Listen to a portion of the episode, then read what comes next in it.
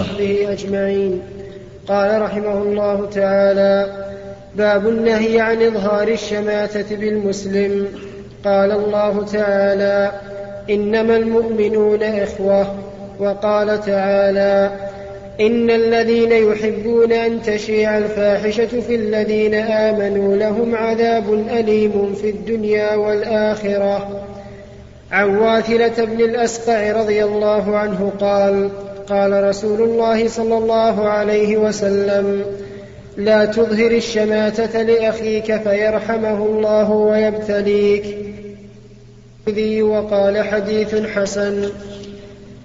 باب تحريم الطعن في الأنساب الثابتة في ظاهر الشرع.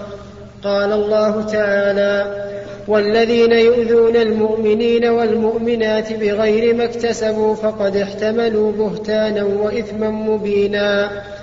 عن أبي هريرة رضي الله عنه قال قال رسول الله صلى الله عليه وسلم اثنتان في الناس هما بهم كفر الطعن في النسب والنياحة على الميت. رواه مسلم. بسم الله الرحمن الرحيم. هذان بابان ذكره المؤلف رحمه الله في كتاب رياض الصالحين. الأول الشماتة والثاني الطعن في النسب.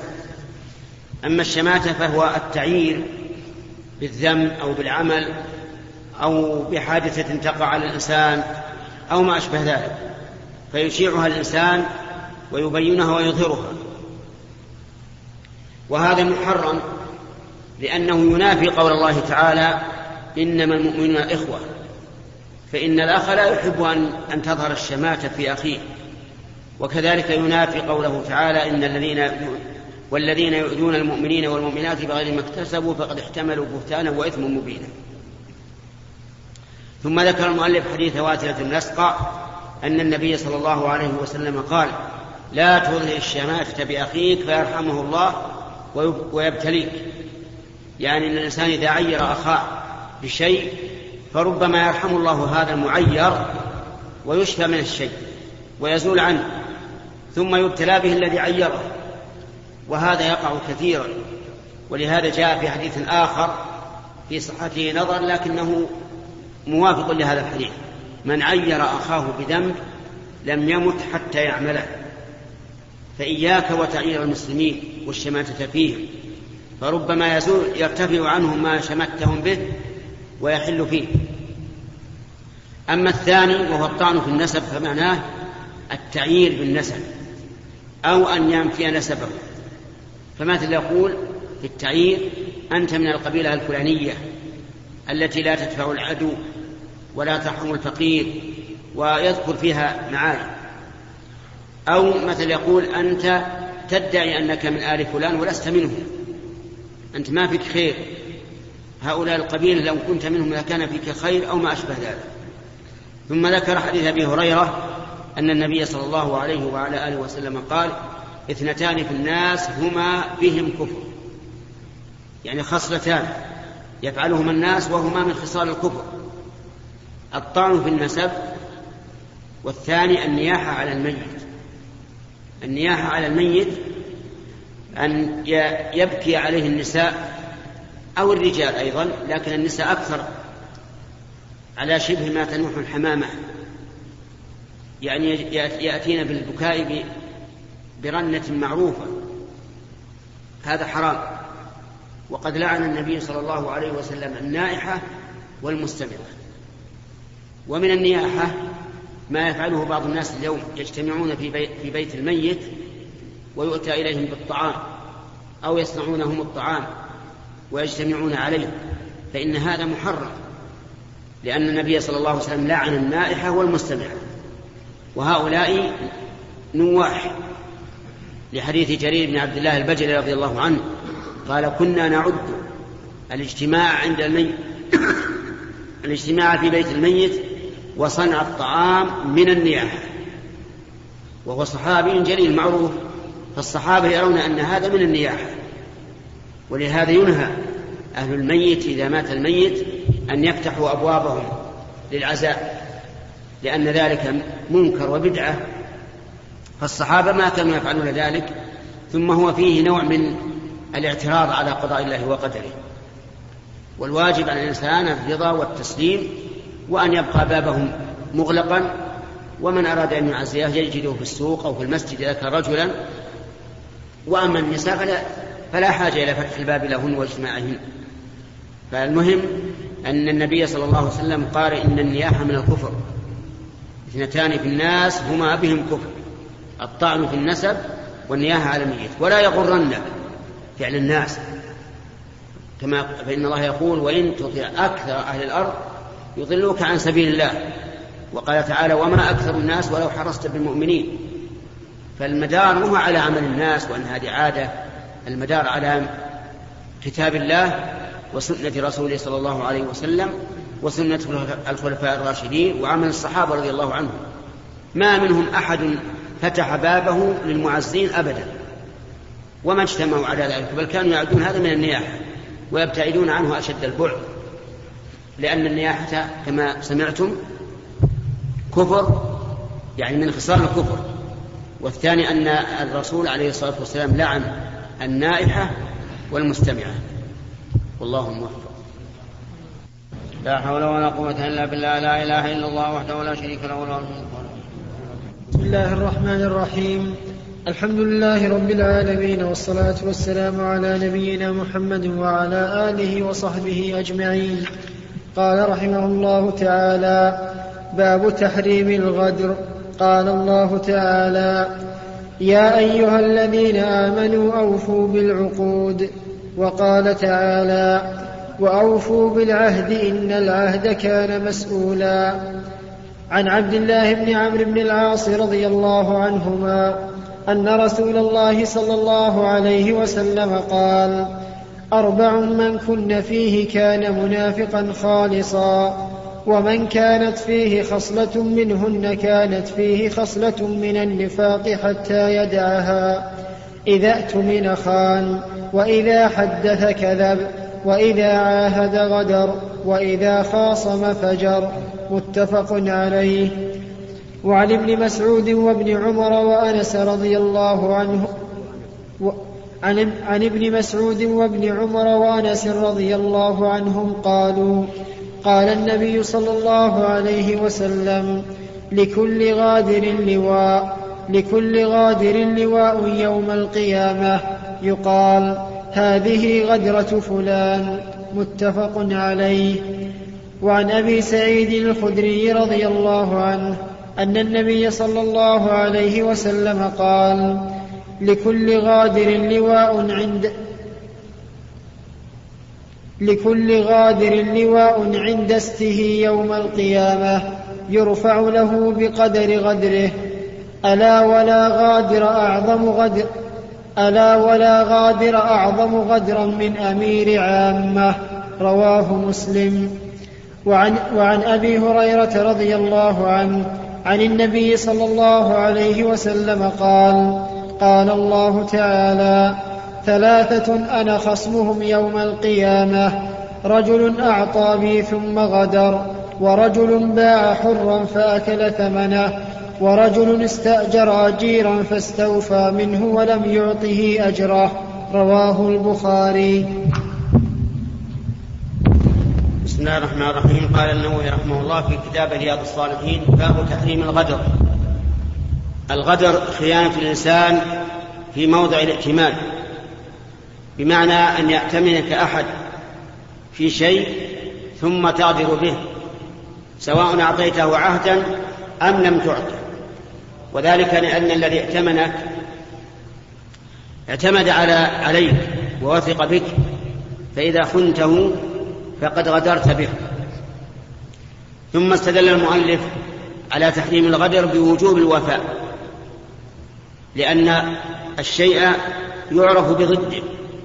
وجوب الوفاء ساق له المؤلف رحمه الله آيتين من كتاب الله. الآية الأولى قوله تعالى يا أيها الذين آمنوا أوفوا بالعقود. يعني إيتوا بها وافية كاملة على حسب العقد الذي اتفقت مع صاحبك عليه. وهذا يشمل كل العقود يشمل عقود البيع. فإذا بعت شيئا على أخيك فالواجب عليك أن تفي بالعقد. إن كان بينكما شرط فأوفي سواء كان عدميا أم وجوديا. فمثلا إذا بعت على أخيك بيتا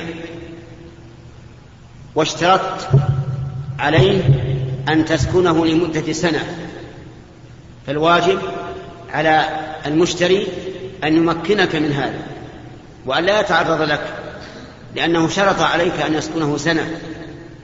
وهذا مقتضى العقد إيه، بعت على أخيك شيئا واشترطت عليه أن يصبر بالعيب الذي فيه يعني قلت فيه عيب فاصبر به فيجب عليك أن توفي بذلك وأن لا ترده وإذا رددته فلا حق لك لكن يجب عليك من من الأصل أن لا ترده. وها هنا مسألة يتخذها بعض الناس والعياذ بالله وهي حرام. يبيع الشيء ويعرف إن فيه عيب. ثم يقول للمشتري ترى ما بعت عليك إلا, إلا, إلا ما أمامك. واصبر بجميع العيوب. وهذا ما يعرف عندهم في حراج السيارات حراج تحت الميكروفون. تجد السمسار الذي هو الدلال تجده ينادي بأعلى صوته. ويقول ترى ما بعت عليك إلا الكفرات ما بعت عليك إلا الكبوت ما بعت عليك إلا كذا وكذا وهو يعلم إن فيها العيب الفلاني. لكن لا يذكره خداعا والعياذ بالله لأنه لو ذكره لنقصت القيمة. فإذا لم يذكره صار المشتري مترددا يحتمل فيها عيب يحتمل ما فيها عيب فيبذل فيها ثمنا أكثر مما لو علم بالعيب المعين. وهذا الذي باع على هذا الشرط ولو التزم المشتري بذلك إذا كان فيها عيب حقيقة فإنه لا يبرأ منه يوم القيامة. سوف يطالب به ولا ينفع هذا الشرط. الواجب إذا علمت في السلعة عيبا أن تبين توفيها العيب الفلاني. نعم لو فرض أن الإنسان اشترى سيارة وبقت عنده يوما أو يومين ولم يعلم بها عيبا ولم يشترط عليه عيب ثم أراد أن أن يسلم منها فقال بعتها عليك بعت عليك هذا الذي أمامك. معيب ولا, ما ولا سليم؟ ما عليه منه. فهذا لا بأس به. والمهم أن من علم العيب في السلعة يجب أن يبينه. ومن لم يعلم فله أن يشترط على المشتري أنه لا رد له ولا ولا ولا يعود عليه بشيء. ولا بأس به. من الوفاء بالعقود ما يحصل بين الزوجين عند العقد. تشترط المرأة شروطا أو يشترط الزوج شروطا فيجب على من اشترط عليه أن يوفي بالشرط. مثل أن تشترط عليه أن لا تسكن مع أهله فيجب عليه أن يوفي. لأن بعض النساء لا لا يرغب أن أن يسكن مع أهل الزوج لكونه سمع عنهم أنهم نكد وأنهم أهل تشويش وأهل نميمة فتقول شرط أن لا أسكن مع أهلك فيجب عليه أن يوفي بذلك. لأنه قال يا أيها الذين آمنوا أوفوا بالعقود. أو شرطت عليه أن لا يخرجها من من بيتها. مثلا هي ربة أولاد من زوج سابق وتزوجها رجل جديد فقال الشرط أن لا تخرجني من بيتي. فيجب عليه الوفاء بهذا الشرط وأن لا ينكد عليها. لا يقول أنا أنا ما أخرجت من بيتها ولكن ينكد عليها حتى تمل وتتعب. هذا حرام. لأن الله قال يا أيها الذين آمنوا أوفوا بالعقود. اشترطت عليه مهرا معينا. قال الشرط أن, أن تعطيني مهري مثل عشرة آلاف. يجب عليه أن يوفي ولا يماطل لأن لأنه مشروط عليه.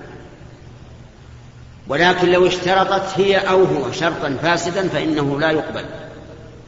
مثل لو اشترطت عليه قال الشرط أن تطلق زوجتك الأولى فهذا الشرط لا يوفى به ولا يحل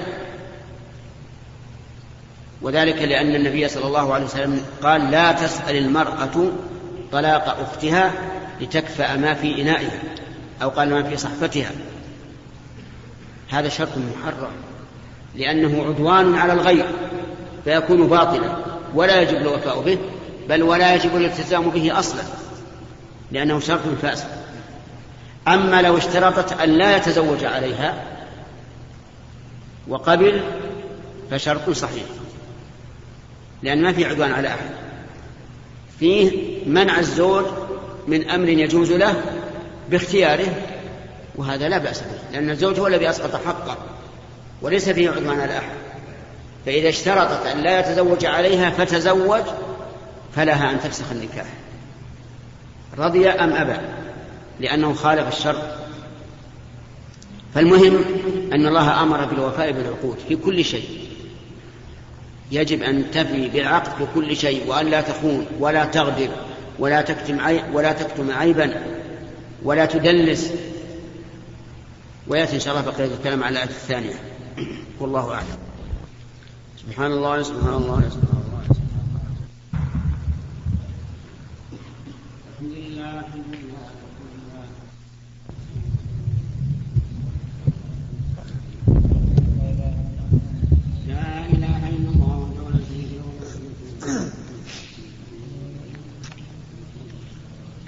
بسم الله الرحمن الرحيم.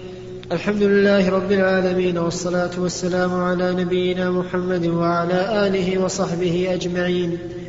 قال رحمه الله تعالى باب تحريم الغدر.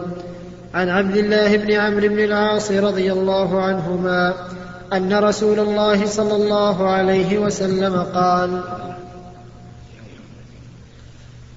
باب تحريم الغدر. قال الله تعالى يا أيها الذين آمنوا أوفوا بالعقود. وقال تعالى وأوفوا بالعهد إن العهد كان مسؤولا.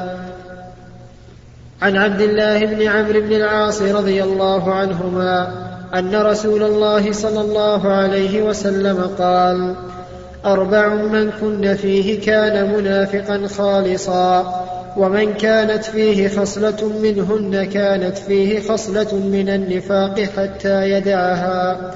إذا اؤتمن خان وإذا حدث كذب وإذا عاهد غدر وإذا خاصم فجر. متفق عليه. وعن ابن مسعود وابن عمر وأنس رضي الله عنهم قالوا قال النبي صلى الله عليه وسلم لكل غادر لواء يوم القيامة. يقال هذه غدرة فلان. متفق عليه. وعن أبي سعيد الخدري رضي الله عنه أن النبي صلى الله عليه وسلم قال لكل غادر لواء عند استه يوم القيامة يرفع له بقدر غدره. ألا ولا غادر أعظم غدرا من أمير عامة. رواه مسلم. وعن أبي هريرة رضي الله عنه عن النبي صلى الله عليه وسلم قال قال الله تعالى ثلاثة أنا خصمهم يوم القيامة. رجل أعطى بي ثم غدر ورجل باع حرا فأكل ثمنه ورجل استأجر أجيرا فاستوفى منه ولم يعطه أجره. رواه البخاري. بسم الله الرحمن الرحيم. قال المؤلف في كتابه رياض الصالحين باب تحريم الغدر. وقد تقدم لنا معناه والكلام على الآية الأولى مما صدر به المؤلف الباب. وهي قوله تعالى يا أيها الذين آمنوا أوفوا بالعقود.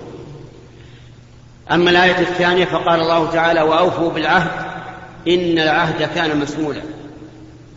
أمر الله أن نوفي بالعهد يعني إذا عهدت أحدا وقلت عليك عهد الله أن لا أفعل كذا أو أن لا أخبر بما أخبرتني به أو ما أشبه ذلك فإنه يجب عليك أن تفي بالعهد.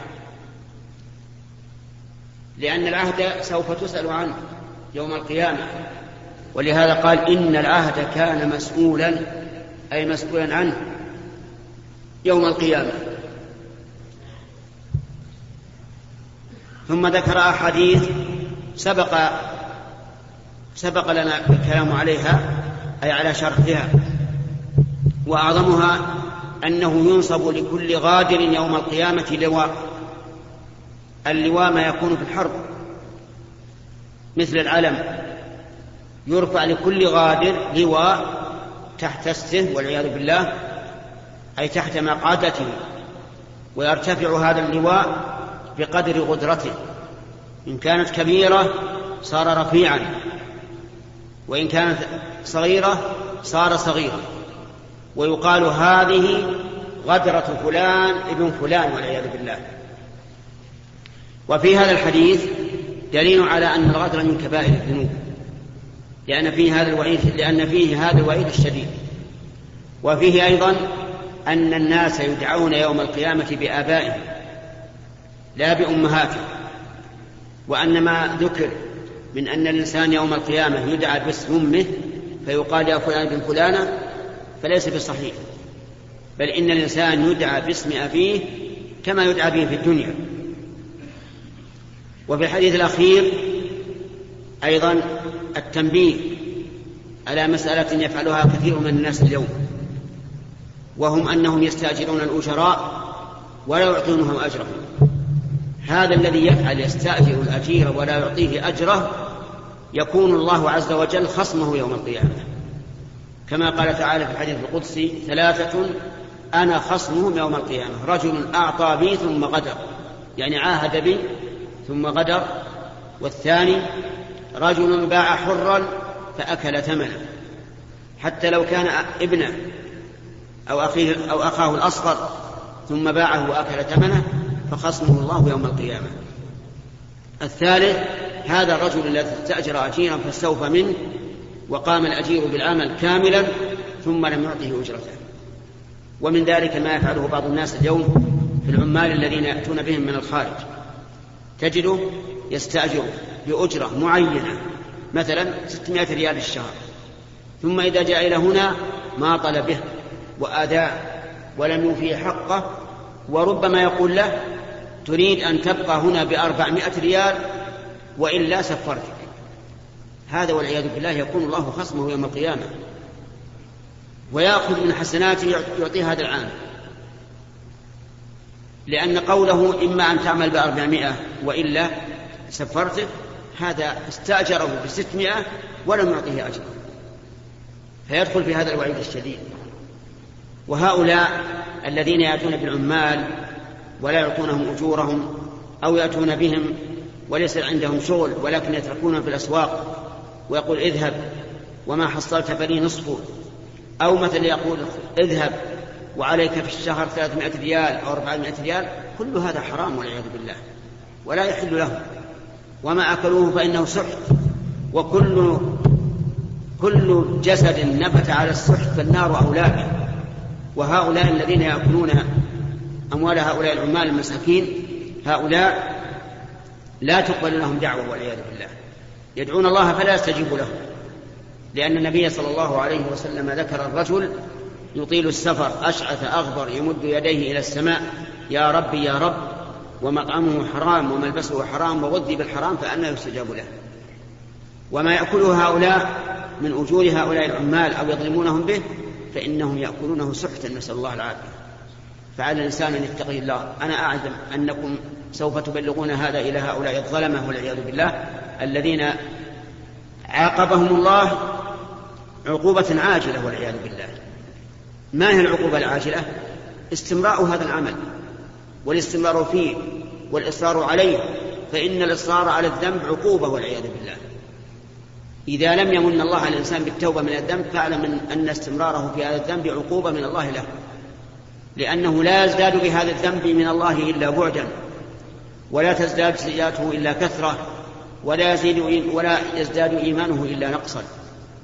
فنسأل الله لنا ولهم الهداية والتوفيق. رحمه الله تعالى. باب النهي عن المن بالعطية ونحوها. قال الله تعالى يا أيها الذين آمنوا لا تبطلوا صدقاتكم بالمن والأذى. وقال تعالى الذين ينفقون أموالهم في سبيل الله ثم لا يتبعون ما أنفقوا منا ولا أذى. عن أبي ذر رضي الله عنه عن النبي صلى الله عليه وسلم قال ثلاثة لا يكلمهم الله يوم القيامة ولا ينظر إليهم ولا يزكيهم ولهم عذاب أليم. قال فقرأها رسول الله صلى الله عليه وسلم ثلاث مرار. قال أبو ذر خابوا وخسروا من هم يا رسول الله؟ قال المسبل والمنان والمنفق سلعته بالحلف الكاذب رواه مسلم. وفي رواية له المسبل إزارة. بسم الله الرحمن الرحيم. قال المؤلف رحمه الله تعالى باب تحريم المن بالعطاء والصدقة ونحوها. وذلك أن الإنسان إذا أعطى أحدا من الناس عطاء إن كان صدقة فقد أعطاه لله عز وجل. وإن كان إحسانا فالإحسان مطلوب. فإذا كان كذلك فإنه لا يجوز للإنسان أن يمن بالعطية. فيقول أنا أعطيتك كذا أنا أعطيتك كذا. سواء قاله في مواجهته أو في غير مواجهته. مثل أن يقول بين الناس أعطيت فلانا كذا وأعطيت فلانا كذا يمن بذلك عليه. ثم استدل المؤلف لذلك بقوله تعالى يا أيها الذين آمنوا لا لا تبطلوا صدقاتكم بالمن والأذى. فدل هذا على أن الإنسان إذا من فإن الصدقة تبطل ولا ثواب له فيها وهو من كبائر الذنوب. وقال تعالى الذين ينفقون أموالهم في سبيل الله ثم لا يتبعون ما أنفقوا منا ولا أذى لهم أجرهم عند ربهم ولا خوف عليهم ولا هم يحزنون. ثم ذكر حديث أبي ذر رضي الله عنه أن النبي صلى الله عليه وسلم قال ثلاثة لا يكلمهم الله يوم القيامة ولا ينظر إليهم ولا يزكيهم ولهم عذاب أليم. المسبل والمنان والمنفق سلعته بالحلف الكاذب. المسبل يعني الذي يجر إزاره أو قميصه أو مشلحه خيلاء وتبخترا فهذا له هذا هذا العقاب الشديد. لا يكلمه الله يوم القيامة ولا يزكيه وله عذاب أليم. والمنان المنان بما أعطى. إذا أعطى أحد شيء أحدا شيئا صار يمن, يمن به. والمنفق سلعته بالحلف الكاذب يعني الذي يحلف على السلعة حلفا كاذبا لأجل أن تزيد قيمتها. هذا أيضا من الذين لا يكلمهم الله يوم القيامة ولا يزكيهم ولهم عذاب أليم. والله الموفق. اللهم لا مانع لما اعطيت ولا معطي لما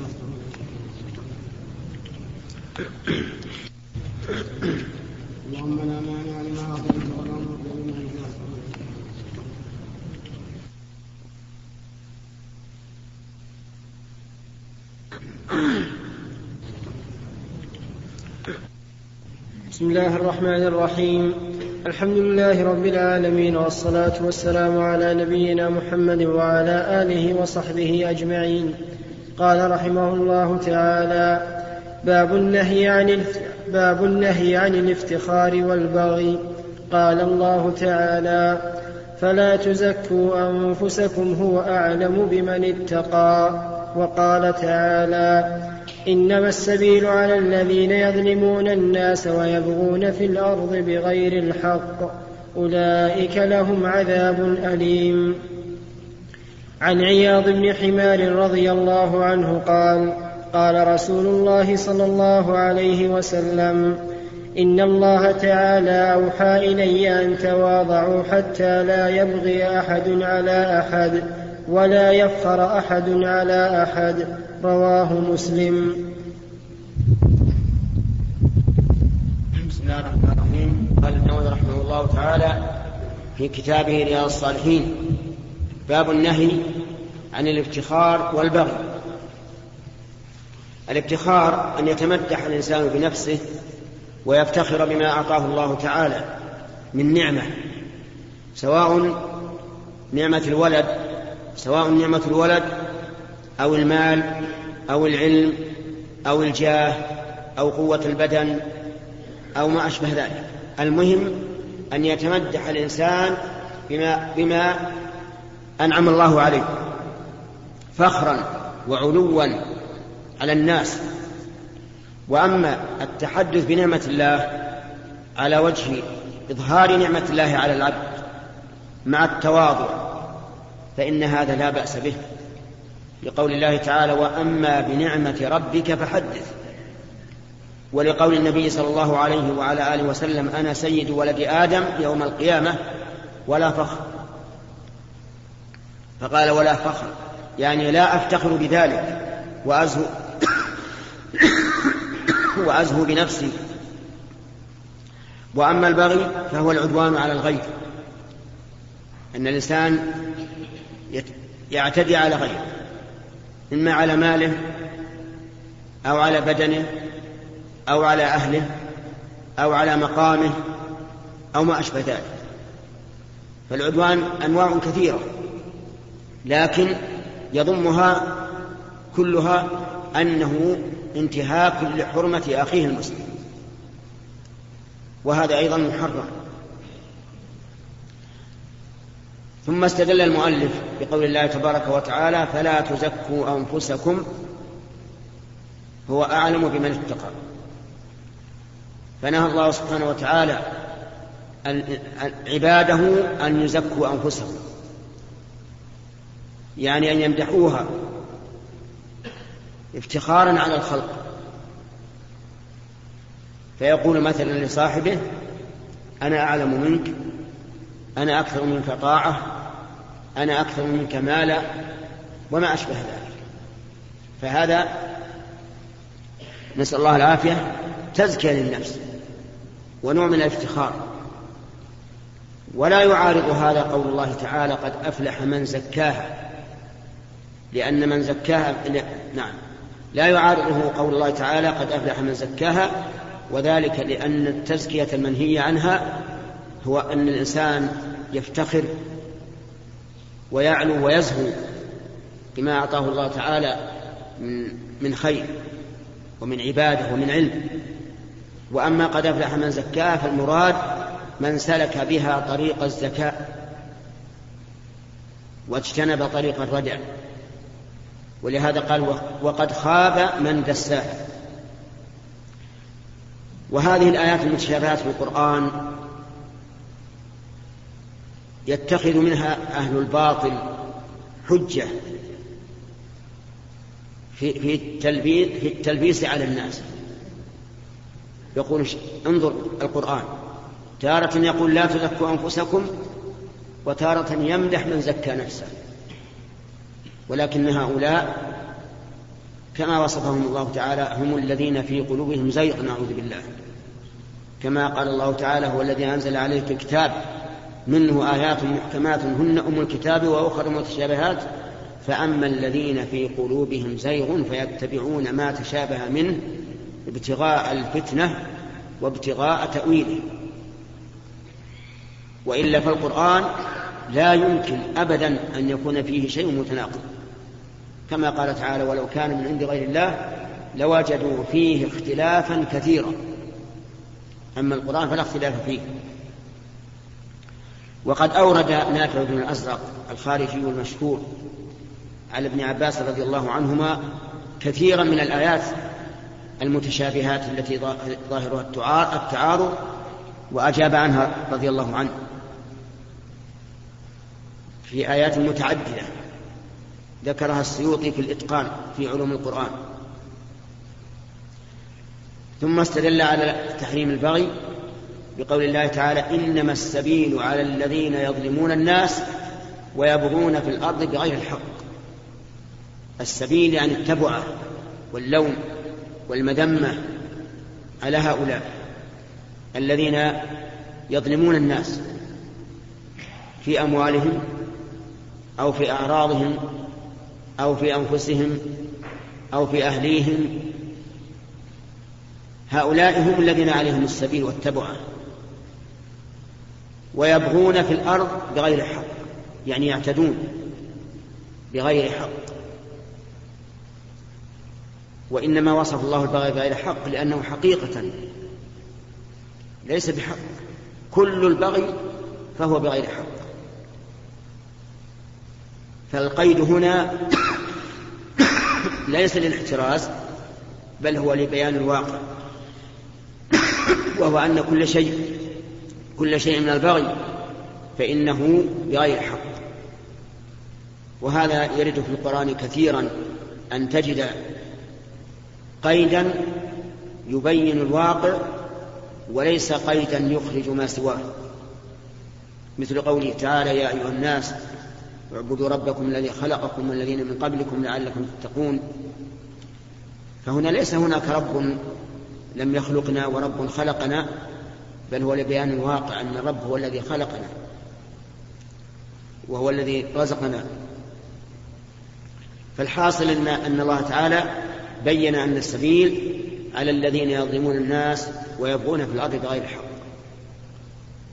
ثم ذكر حديث عياض بن حمار أن النبي صلى الله عليه وسلم قال إن الله أوحى إلي أن لا يبغي أحد على أحد. هذا الشاهد من الحديث.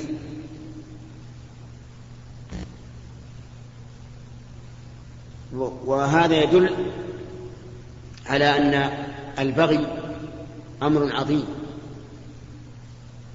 فيه عناية من الله سبحانه وتعالى يبين لعباده أنه لا أنه لا يبغي أحد على أحد وأن الإنسان يتواضع لله عز وجل ويتواضع للحق. والله الموفق الحمد لله رب العالمين والصلاة والسلام على نبينا محمد وعلى آله وصحبه أجمعين. نقل المؤلف رحمه الله تعالى في سياق الأحاديث في باب النهي عن الافتخار والبغي. عن أبي هريرة رضي الله عنه أن رسول الله صلى الله عليه وسلم قال إذا قال الرجل هلك الناس فهو أهلكهم. رواه مسلم.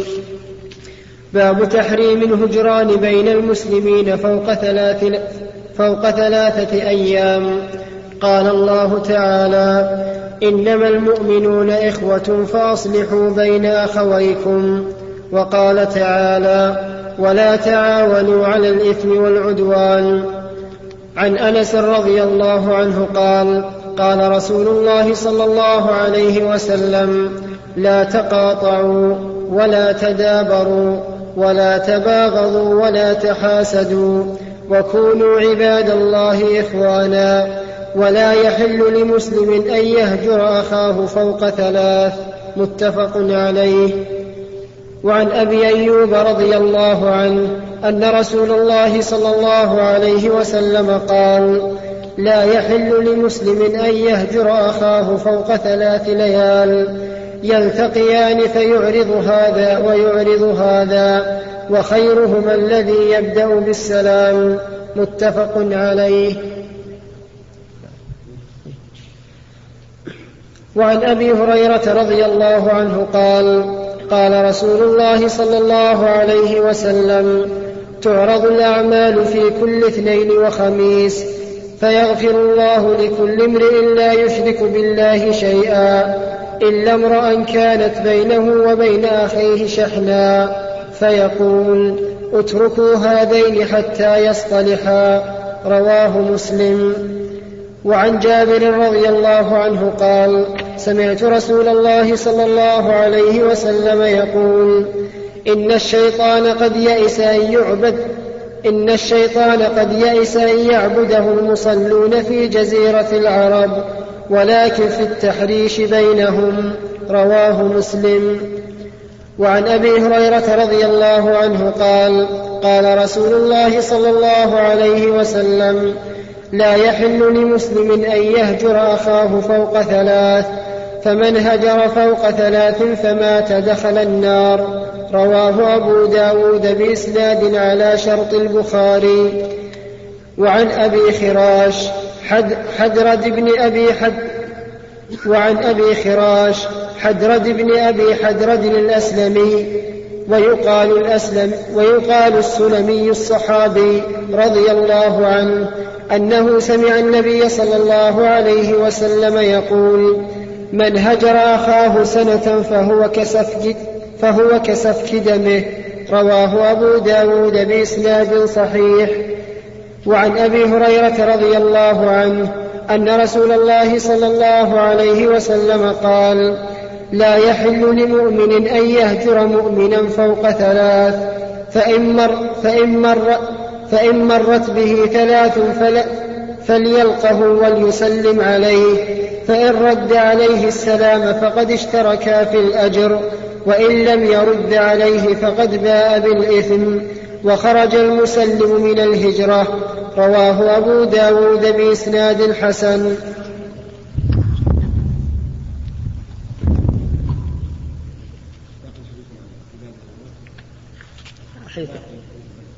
أبي هريرة. إذا إذا قال الرجل أقرأ شيء. قرأت. قال رحمه الله تعالى فيما نقله عن أبي هريرة رضي الله عنه أن رسول الله صلى الله عليه وسلم قال إذا قال الرجل هلك الناس فهو أهلكهم. رواه مسلم. بسم الله الرحمن الرحيم. هذه الأحاديث كلها مرت علينا فيما سبق وشرحناها فلا نعود إليها. ولكن نتكلم على نبذ مهمة. منها حديث أبي هريرة أن النبي صلى الله عليه وسلم قال إذا قال الرجل هلك الناس فهو أهلكهم. هذا القول يكون على وجهين. الوجه الأول أن يقول هلك الناس يعني وقعوا في المعاصي وفسقوا. يريد بذلك أن يزكي نفسه وأن وأن يقدح في غيره. فهذا هو أهلك الناس لأنه يحبط عمله وهو لا يشعر كما في قصة الرجل الذي كان يمر برجل فاسق يعصي الله وكان ينصحه ولكنه بقي على ما هو عليه من الفسوق. فقال الرجل والله لا يغفر الله لفلان.